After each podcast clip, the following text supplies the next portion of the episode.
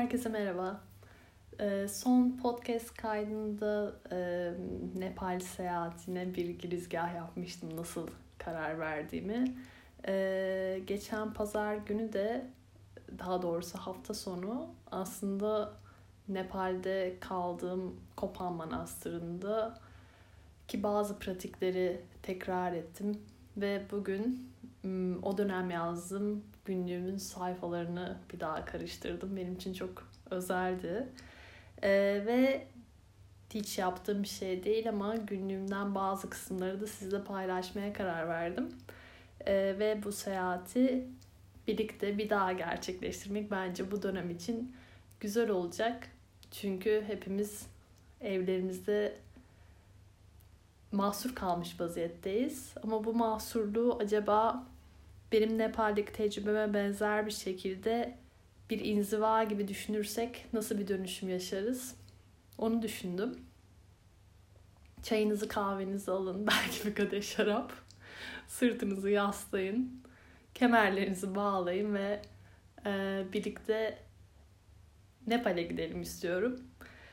E, gitmeden önceki gün günlüğüme şunu yazmışım ve size okumak istiyorum direkt onu. Ee, belki sizde de rezone eder. Bir yerlerde bir parçanıza dokunur ve uyandırır diye. Çok heyecanlı olduğumdan bahsediyorum. Hmm, tedirginlik de var tabii bilinmezliğe giden. Ve şunu söylüyorum. Özümle ilk defa bu kadar uzun bir seyahate çıkacağız. Artık benden çok daha güçlü ve özgür. Heyecanım biraz da bundan. Aşk meğersem böyle bir duyguymuş. Bireyin özünü değiştirmeye çalışmaksızın onun öğreteceği her şeye kalbini açmak ve hatta o değişmesin diye ona mümkün olduğunca sahip çıkabilmek. Adeta çevresinde sit alanı oluşturmak ki bu nadide güzellik bozulmasın. Kendini sevmek hem ne kolay hem de ne zormuş meğer. Çok emek, çok hata, çok kayıp, çok acı gerekiyormuş olgunlaşabilmek için.'' Sonunda öyle güzel bir şey açıyor ki içinde özünü korumak, ortaya çıkartmak ve hatta evrene hediye etmek için bütün enerjini harcıyorsun. İşte o andan sonra darmanı aramaya çıkıp ulaşabiliyorsun sonunda. Tabii bunu bu sonsuz bir yolculuk. Burada sanki buldum gibi yazmışım ama hala biliyorum. Hala o devam eden bir yolculuk. Ee, uçağa binmeden başladı aslında benim için değişim dönüşüm. Sırt çantamı hazırlarken e, fark etmiştim. İşte onu da alayım, diş fırçası da alayım, iki, iki tişört değil beş tişört alayım, işte yedek ayakkabı olsun, çorap olsun falan filan derken bir anda sırt çantası doldu ve ağırlığı artmaya başladı. Orada şunu anladım. İnsanın konfor ihtiyacı arttıkça kendine bindirdiği yük de e, artıyor. Ve risk almaya karar verip sadece iki tişört, iki işte pantolon ve birkaç çift çorapla e, gitmeye karar verdim. Eğer gerçekten ihtiyaç duyarsam oradan alırım diye düşündüm. Ve toplamda 6,5 kiloyla Nepal seyahatine başlamış oldum hayatımda bindiğim herhalde en uluslararası uçaktı. Ee, ve bütün dünyadan dağcılar hepsi Everest ve diğer Himalaya'daki dağlara tırmanmak için geldikleri çok belliydi. Ee, yanında getirdikleri malzemelerden. Ee, ve şey çok ilginçti. Ee, uçakta okuyayım diye bir kitap almıştım. Ve o si- simyacı kitabıydı Paul Coelho'nun. Hmm, daha önce bestseller diye almaya direnmiştim ve bütün uçakta bitti. Ee, indiğimde Katmandu'ya inanılmaz bir hayal kırıklığı yaşadım. Anlatamam size. Yani hayatımda görüp görebileceğim herhalde en en en çirkin şehir.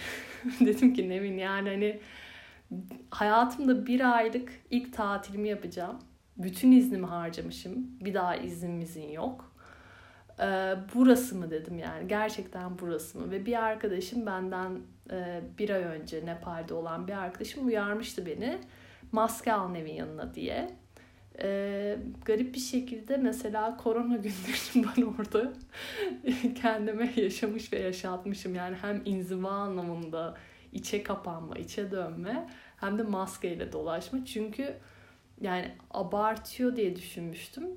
Ama o kadar toz duman var ki o kadar e, kirli bir hava kirli değil toz yani garip bir şekilde her yer toz.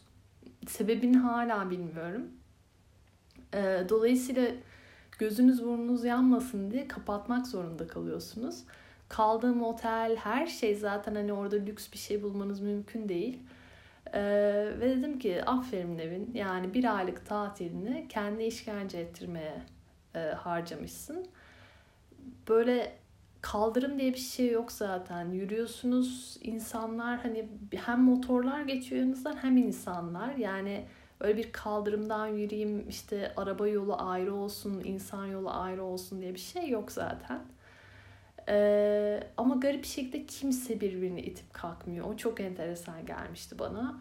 Ya da öyle bir yerde işte yan kesicilik beklersiniz. Hırsızlık katiyen yok. Taciz yok. Hani e, kaosun içinde bir huzur var ama yani onu böyle biraz dikkatli baktıktan sonra anlayabiliyorsunuz. E, günlüğüme de sürekli şey diye yazmışım ilk gün neden ben buradayım, neden ben buradayım diye. Ve en sonunda şunu düşündüğümü hatırlıyorum. Neden buradayımı bırakıp bu süreç bana ne öğretecek? Eminim bir anlamı vardır.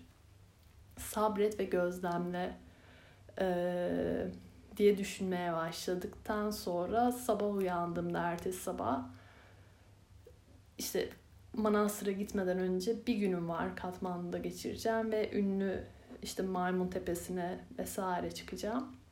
Ee,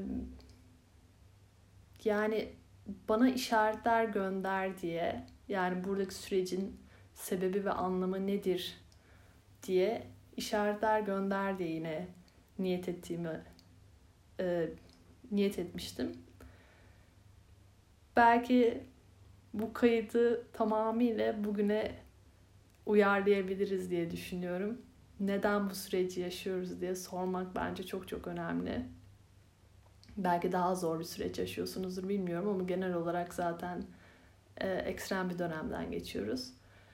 E, sabah işte kahvaltı ederken Everest Base Camp'tan dönen Polonyalı bir çiftle tanıştım. E, çok yorulduklarını ama mükemmel bir tecrübe olduğunu, tamamlayamadıklarını söylediler. İşte yüksek irtifaya yakalandıkları için e, heyecanım daha da arttı. Sonra işte yolda yürürken e, küçük bir çocuk ya küçük bir çocuk dediğim 12-13 yaşında bir çocuk yolumu çevirdi. Ve e, benle konuşmaya başladı. Ben önce işte para isteyeceğini vesaire düşündüm. E, sonra resim yapan başka bir yer buldum. Böyle hmm, Nepal'de çok özel Budist sanatında resimler var. Orayı ziyaret ettim bir atölyeyi. Oradaki kadınla konuştum. 12-14 yaşından beri işte yaptığını ve masterlarından öğrendiğini ee, ve orada yanında yine birini yetiştirdiği çocuk bir çocuğu yetiştiriyordu. Ee, o çocuk da işte 13-14 yaşlarında işte atölyede çalışıyor, öğreniyor. O benle birlikte işte dolaşabileceğini söyledi. Birkaç tane işte e, özel bir yine bir tanrılarının işte e, günü var. Onu gösterdi. E, Katmandu'dan biraz bahsetti. Şeyi sordum ona garip bir şekilde muhabbet oraya nasıl geldi bilmiyorum ama hmm, dua ediyor musun dedim yani nasıl yani dua ederken ne yapıyorsun diye sordum. O dedi ki evet ediyorum. Peki ne yapıyorsun dedim. Mandala yapıyorum dedi. yani o kadar enteresan ki hani sanki benim için o bir işaret gibiydi. Evet benim de resim aslında her şey mandala ile başladı ve resim de benim bir dua etme biçimim. E, ve 2015 depreminde, Nepal depreminde babasını kaybettiğini ve ailesine sadece resim yaparak baktığını söyledi. E, ve şeyi gördüm. O maymunlar tepesine çıktığımda ve genel olarak gözlemlediğimde o tapınakta ve insanların genel olarak birbiriyle kurduğu ilişkilerde neye ihtiyaçları varsa önce onu veriyorlardı. Yani paraya ihtiyaçları varsa tapınakta para ve sunuyorlar. Ee, gıdaya ihtiyaçları varsa pirinç sunuyorlar. Sağlığa ihtiyaçları varsa tütsüyle birbirlerini kutsuyorlar. Ve hayatımıza baktığımızda biz ihtiyacımızdan daha fazlasını önce almaya çalışıyoruz. Bizde olsun ya da olmasın. Sonra onu tutmaya ve arttırmaya çalışıyoruz. Tutmaya ve arttırmaya devam ettikçe bunu kaybetmekten korkuyoruz. Kaybetmekten korktukça öfkeleniyoruz ve saldırganlaşıyoruz ve birbirimize olan sevgi ve şefkati ve anlayışı kaybediyoruz. Aslında her şey burada başlıyor. Ve o Budizm'de dönen, söylenen samsara döngüsü aslında tam da bu. Yani kendi kendimize aslında sürekli ihtiyacımızdan daha fazlasına sahip olma arzusuyla bir cehennem yaratıyoruz. O gün yine aynı şeyi teyit etti bu mesajı. Ee, ilk defa işte e, dışarıda yemek yediğimde böyle çok büyük bir porsiyon işte pirinç ve işte sarı e, mercimek yemeği e, var orada. O geldi ve bitiremedim ben onu. Oradaki bir tane Nepalli dedi ki madam aynen böyle ee, az yemeniz sizin sağlığınız için iyidir dedi. Ama dedi ihtiyacınızdan fazlasını atılmasına sebebiyet vermek it's bad karma madam dedi. Bu kötü karmadır dedi. Ben dedim ki bilmiyordum bu kadar büyük porsiyon geleceğini. Dedi ki her zaman önce yarım porsiyon söyle. Sonra ihtiyacın varsa ikinciyi söylersin. Ama bu senin için ya da hiç kimse için iyi bir karma yaratmaz dedi ihtiyacından fazlasını yemek. Ee, ihtiyacından fazlasını söyleyip atılmasına sebebiyet vermek. Çünkü başkaları buna ihtiyaç duyuyor dedi. Yani hayatta biz aslında sahip olduğumuz her şeye bu şekilde bakabilsek bayağı bir döngüyü kırarız gibi geliyor. Zaten döndükten sonra ben bayağı bir zorlandım. Hiçbir şey eskisi gibi olmadı benim için. Ee, dışarıda yemek yerken bile şeyi düşünmeye başladım. Yani şu an bu yemekle yani bir ailenin mutfak ihtiyacını karşılardım herhalde aylık diye. Hmm. Sonra bir gün kaldıktan sonra Katmandu'da Kopan Manastırı'na e, geldim. Ve orada zaten çok yoğun bir program var. Sabah 6 çeyrekte başlıyorsunuz. Birisi çan çalıyor. Ondan sonra 6.45'te meditasyona oturuyorsunuz. 45 dakika bir saat sürüyor. Sonra e, kahvaltı. 9 çeyrekte bu sefer tekrar meditasyona oturuyorsunuz. Sonra da işte öğretiler başlıyor. Ve bu program akşam 8'e kadar sürüyor. yani bayağı yoğun günde yaklaşık bir 6 saat toplamda bağdaş pozisyonunda ve meditasyon yapıyorsunuz. Bir yandan da öğretileri anlamaya çalışıyorsunuz. Hmm, ben yurtta kal ya kaldığım yurtta büyük e, gerçekten yurt olan bir yerde kaldım. Yani 14 kişinin kaldığı bir oda. E, kapı kesinlikle yok. Böyle bir bezle Budistlerin kullandığı yine sembolik olan bir bezle kapatılıyor. Kapı falan yok yani. Ee, ve yani iki kişilik bir tuvaleti 30 kişi kullanıyor. Çünkü o katlardaki ortak kullanım da var. Bayağı ilkel bir şey. İşte çarşaflar temiz ama aşırı eski artık yıpranmış. Dedim ki yani Nevin hani şuraya harcasın emek parayı. Yani gidip Endonezya'da her bir parmağına ayrı masaj yaptırıp tamam kendi çok güzel şımartır çok da güzel aydınlanırdın. Neden diye tekrar sordum. Ee, çünkü yani ben 18 yaşından beri yalnız yaşayan biriyim ve hani bu kadar kalabalık bir ortamda nasıl uyuyacağım? Benim uykum çok hafif falan diye düşündüm. Dedim ki tamam yani yine öğreneceğim bir şey mutlaka vardır. İlk derse zaten dersler gelmeye başladı. Ee, yani İngilizce'de attachment deniyor. Türkçe'ye çevirdiğimizde bağ deniyor ama yani bizim o biriyle bağ kurma değil. Yani bir bağlantı yani e, daha çok sahip olma arzusu na yakın bir tanım aslında attachment. O yüzden attachment diye kullanacağım daha rahat ettiğim için. Budizmin ilk öğretilerinden biri ve meditasyonlarda da bu var. Ee, nefes alırken bilgeliği içine çek diyor. Nefes verirken bağlarından kurtulduğunu yani attachment'tan kurtulduğunu, tekrar şefkati içine al ve öfkeyi bırak diyor. Aslında attachment'tan kurtulursan bilgi olursun. Öfkeden kurtulursan da şefkatin artar diyor ve bilgelik ve şefkat her zaman birbirini desteklemek zorundadır diyor. Ee, oradaki masterlardan biri çok güzel bir şey söylemişti daha en başta. Buranın gerçekten size hizmet etmesini istiyorsanız birbirinize ihtiyacınız var. Ee, yani bu yolu tek başınıza yürüyemeyeceğinizi bilin bir kere demişti.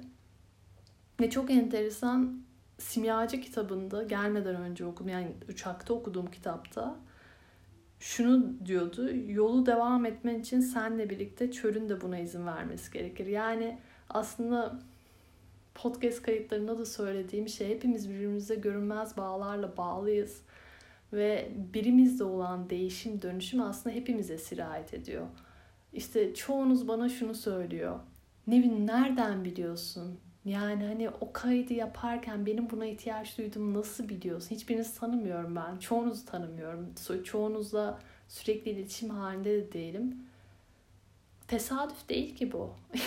yani biz birbirimize ihtiyaç duyuyoruz ve o yüzden zaten e, bu anda siz beni duyuyorsunuz ve, ve ben bu anda bu yüzden konuşma ihtiyacı duyuyorum. Böyle senkronize oluyoruz. Yani bizim algımızın çok ötesinde başka bir şey var burada. Ve diyor ki e, o master şunu söylemişti. Hepimiz mutluluğu arıyoruz.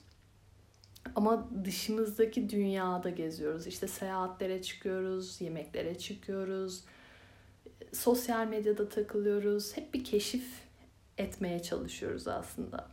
İnsanoğlu Ay'a bile gitti. Eminim başka gezegenlere de gidecek.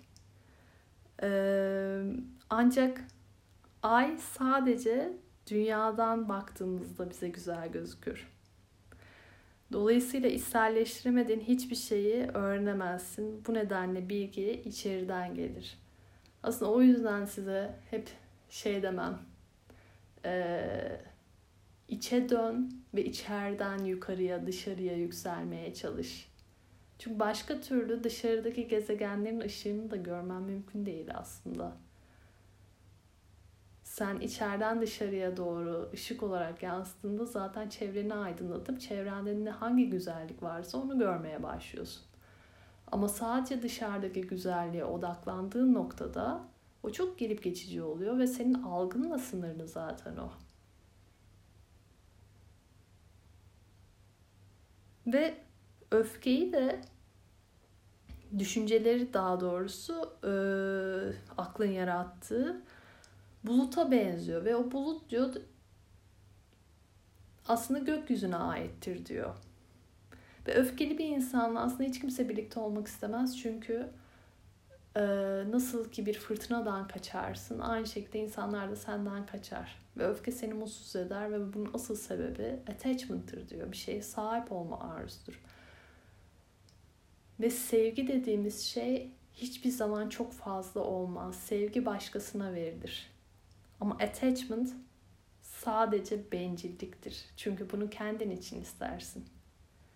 Aslında günlüğüme gelmeden yazdığım şey de buna sirayet ediyormuş. Ee, aşk galiba böyle bir şey derken galiba bunu bir şekilde anlamaya başlamışım. Onun değişmesini istememek tam tersine olduğu hali koruma arzusu.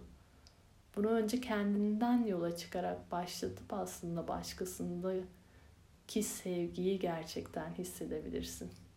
Öbür türlü sadece ondan alabileceğim sevgiye yoğunlaştığım için o işte attachment oluyor ve onu değiştirmeye çalışıyorum. Çünkü ihtiyaç üzerinden kuruluyor. Ee, ilk günden sonra biraz daha kolay oldu.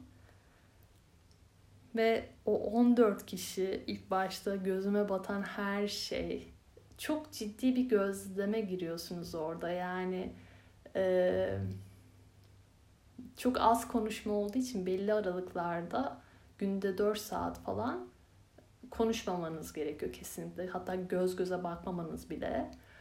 Orada kendi projeksiyonlarınızı çok net görüyorsunuz. Yani mesela bir tane çocuğun yemek yemesine kılı olmuşum. işte çok şapur şupur yiyor diye. Ee, özellikle Almanlar vardı. Onlar tabii çok analitik düşündüğü için böyle hep böyle kanundaki boşlukları bulmaya çalışma söz konusuydu işte. Hocam peki bu ne? İşte sizce de bu değil mi falan ve o kadar gereksiz bir ego savaşı geliyor ki o. Ama tabii ki bunların hepsi e, bendeki bir yansıma. Bende olmayan bir şeyi göremem. Yani sonuçta ben de e, gördüğüm eğitim sürekli boşluk bulma üzerine zaten. Ama bunun ne kadar irite edici, ne kadar hani e, gereksiz bir şey olduğunu meslek dışında kullanmanın orada e, sürekli olarak kendimle yüzleştim. Ve aynı odada kaldım. Mesela yanımda yatan bir kız vardı. Ya yanımdaki yatakta İranlı bir kız. İnanılmaz öfkeliydi ve iki gün sonra ben gideceğim demişti. O kız bile böyle üçüncü günden sonra yumuşamaya, bakışları değişmeye başladı ve her gün mutfak işlerinde mesela gönüllü olmaya başladı bulaşık yıkarken. Ee, ve şunu fark ettim. Bizi rahatsız eden şeyler çevremizde olup bitenler değil, zihnimizin ta kendisi. Ve koşullar değişmiyor ama biz biz değişebiliyoruz. Ve hayatımızı yaratan yegane unsur kendimiziz ve bu sorumluluk sadece bizim elimizde. Yani şu döneme baktığımızda ekstrem bir dönemden geçiyoruz evet ama koşulları suçlamayı bırak bırakırsak ve bakış açımızı değişirsek neler değişir acaba? Yani benim o Kopan Manastırı'nda kaldığım dönem ve bu dönem bayağı birbirine benziyor. Ben galiba ödevi o dönem bir şekilde önceden yaptığım için bu dönem biraz daha rahat atlatıyorum diye düşünmeye başladım.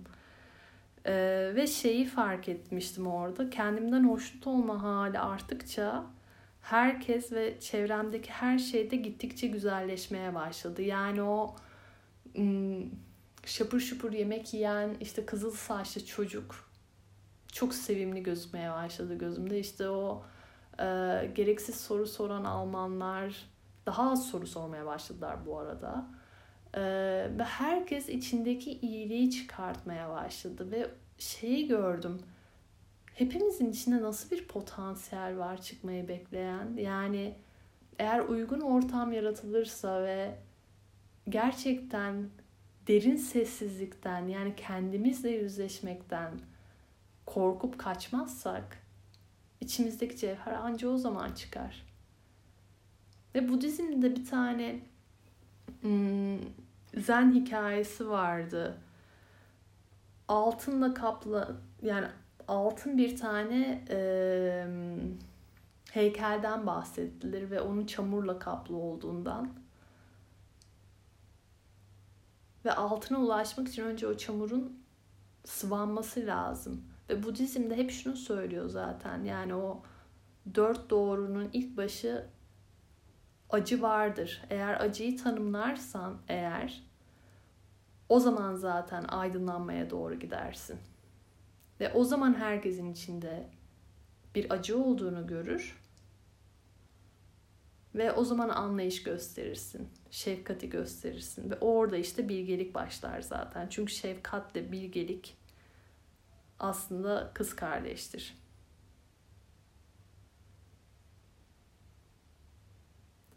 Ve tolerans, sabır ve şefkati geliştirmek diğerlerine de gelişim alanı sunuyor. Çünkü onlar da kendilerinde neyin yanlış olduğunu anlıyorlar. Ama biz ego ile hareket ettiğimizde öfkeyle karşılık verdiğimizde sadece o kişiyle aynı davranışta oluyoruz.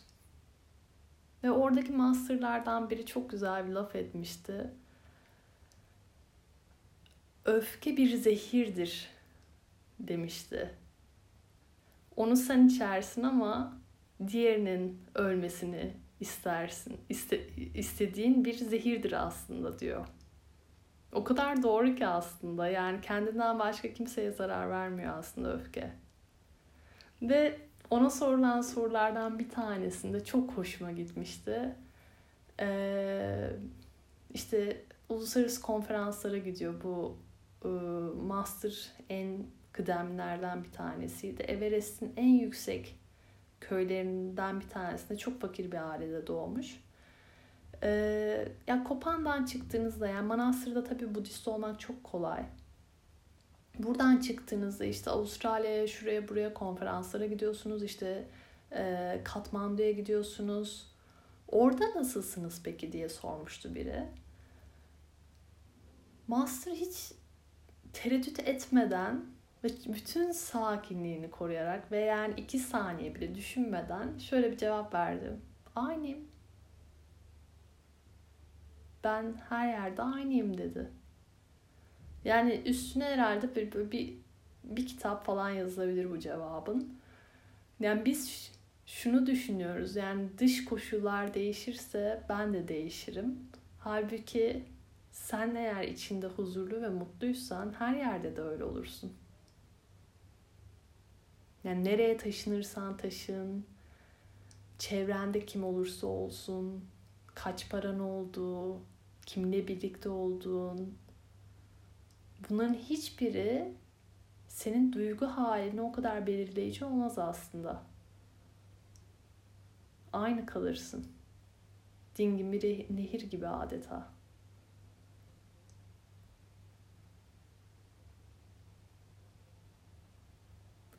Ve altıncı gün e, Manastır'da kaldım. Öğlen bir deprem oldu ve Nepal bir deprem bölgesi. Orada işte sevdiklerimi tekrar kendi hatırlattı. Ve şeyi fark ettim yani ailemle ilgili hepimizin ailesi ebeveynleri hata yaptı ve şunu söylemiştim yani onların benim üzerimde yaptıkları tüm hatalar beni ben yapan şeyler ve aslında beni özel kılan şeyler olduğunu düşünüyorum. Ve bunun için de mutluyum diye günlüğüme yazmışım. Ve konfor alanım günden güne sarsılmaya başladı. Ee, ve şunu fark ettim. Kendime, insanlara ve hayata karşı koyduğum sınırlar sadece kendi kişisel hapishanemi örmekten başka bir işe yaramıyormuş. Onu fark ettim. Yani bu e, kayıtlarımdan bir tanesi de bahsettiğim sınırlarla alakalı değil. Sadece korkuyla belirlediğim sınır çekme. Yani neyse o korku. Bana zarar verilmesi ya da işte e, aldatılmak vesaire. Halbuki sen kendi içsel gücüne güvendiğin noktada o kadar e, siyah veya beyaz ciddi sınırlar çekmene gerek yok zaten hani sağlıklı sınırların varsa böyle bariyerlerle işte insanları damgalamak ya da işte onlara sınır koymaya da çok gerek kalmıyor aslında. Ve son iki günde alt, toplamda 60 saatlik bir e, mutlak sessizlik günüydü herhalde en zor kısmıydı. 40. saatten sonra insanlar patır patır dökülmeye ve e, o sözü tutmamaya başladılar. Ve sabah hmm, şeye giderken Gompa deniyor dua ettiğimiz yer. Oraya giderken yürüyüş meditasyonu vardı. Çok yavaş adımlarla her anı hissederek yürüyorsun. Orada şunu fark etmiştim gideceğim yeri düşündükçe o yaşadığım an bana bir azap gibi geliyor. Yani yol bitmek bilmiyor. Ama ben sadece ana odaklanırsam, gerçekten sadece adım atmaya odaklanırsam o zaman zaman kavramı tamamıyla kayboluyor çünkü yaptığım şeyden keyif almaya başlıyorum ve yaptığım her ne ise eforsuz hale geliyor. Çünkü keyif alıyorum. Sonra içime dönüp şunu sormuştum. Peki nereye gideceğimi nasıl bileceğim bunu yaparsam? Bu aslında hepimizin yaşadığı ikilem sanırım. Ee, iç sesim şöyle bir şey söylemişti. Yönüne karar ver sadece. Yol kendisini bulsun ve yola itaat et. O kadar basit aslında ne yapmamız gerektiği, anda kalmak. Ee, ve şey çok enteresandı.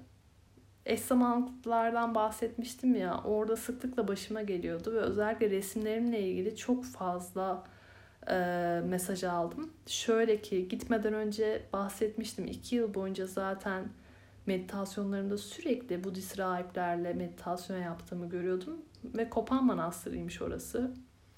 Ee, sürekli benim resimlerimde yuvarlak vardı. Şimdilerde değişti ama o dönem tamamen yuvarlağın içindeydi. Aslında o praying wheel'mış. Yani dua çemberi. Ve ay balık benim bütün resimlerimde vardır ve Budizm'de iki çok temel sembol olduğunu fark ettim.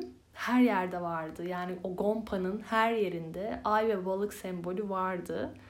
Ve balık Budizm'de mutluluğu sembolize ediyor.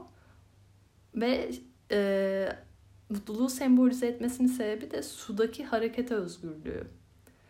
Ay ise e, doğruluk ve aydınlanmayı sembolize ediyor ve bana sanki yolu, doğru yolda olduğumu anlatan gizlice bırakılmış semboller gibiydi adeta. Ee, yani şeyi fark ettim. O 10 gündü toplam. 10 günün sonunda aynada kendime baktığımda hakikaten böyle 10 yaşındaki Nevin'in gözlerini gördüm gözümde o kadar güzel parlıyorduk ve o kadar masum gözüküyorduk. Çünkü çoğu şeyden arınmıştım aslında. Ee, yaptığınızda çok bir şey yok aslında. Yani hani bunu günlük hayatınızda da taşıyabilirsiniz. İlla Nepal'e gidip manastırda kalmaya da gerek yok. Sadece belli yöntemleri bilmek gerekiyor.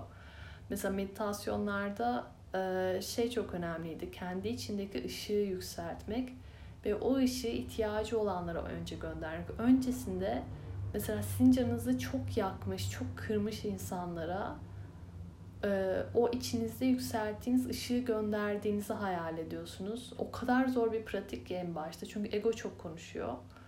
E, sonrasında gönderdikçe aslında sizin özgürleştiğinizi fark ediyorsunuz. Onları affettikçe. Yani affetmek onlar için yapılmış bir eylem değil. Tamamıyla sizin kendiniz için yaptığınız sizi özgürleştiren bir eylem. Onu anlıyorsunuz. Sonra bir pratik vardı. E, denge pratiği denen. Meditasyon esnasında çok sevdiğiniz birini gözünüzde canlandırıyorsunuz. Sonra düşmanınızı canlandırıyorsunuz. Sonra da tik, sizi tiksindiren birini. Sonra bu insanlarda ne sizde bu duyguları uyandırıyor? Neden o kişileri buraya konumlandırdınız diye içinize soruyorsunuz. Bunu yapabilirsiniz isterseniz. Ve çıkarttığım sonuç şuydu. Yani o insanın benim en iyi arkadaşım olması da, o kişinin benim düşmanım olması da, o kişinin o kişiden benim tiksinmem de hepsi hepsi hepsi sadece benden ortaya çıkan şeyler. Yani benim yaratımım, benim algım, benim tasarımım. Eğer ben içimde huzurluysam zaten ne düşman kalıyor ne tiksindiğim insan. Ki bu 10 günde de bir nevi bunu görmüş oldum aslında. 10 günün sonunda da Everest yolculuğuma çıktım. Onu da bir sonraki kayıtta anlatırım umarım. Ee, ama benim için çok keyifliydi. Sayenizde tekrar o günlere dönmüş oldum.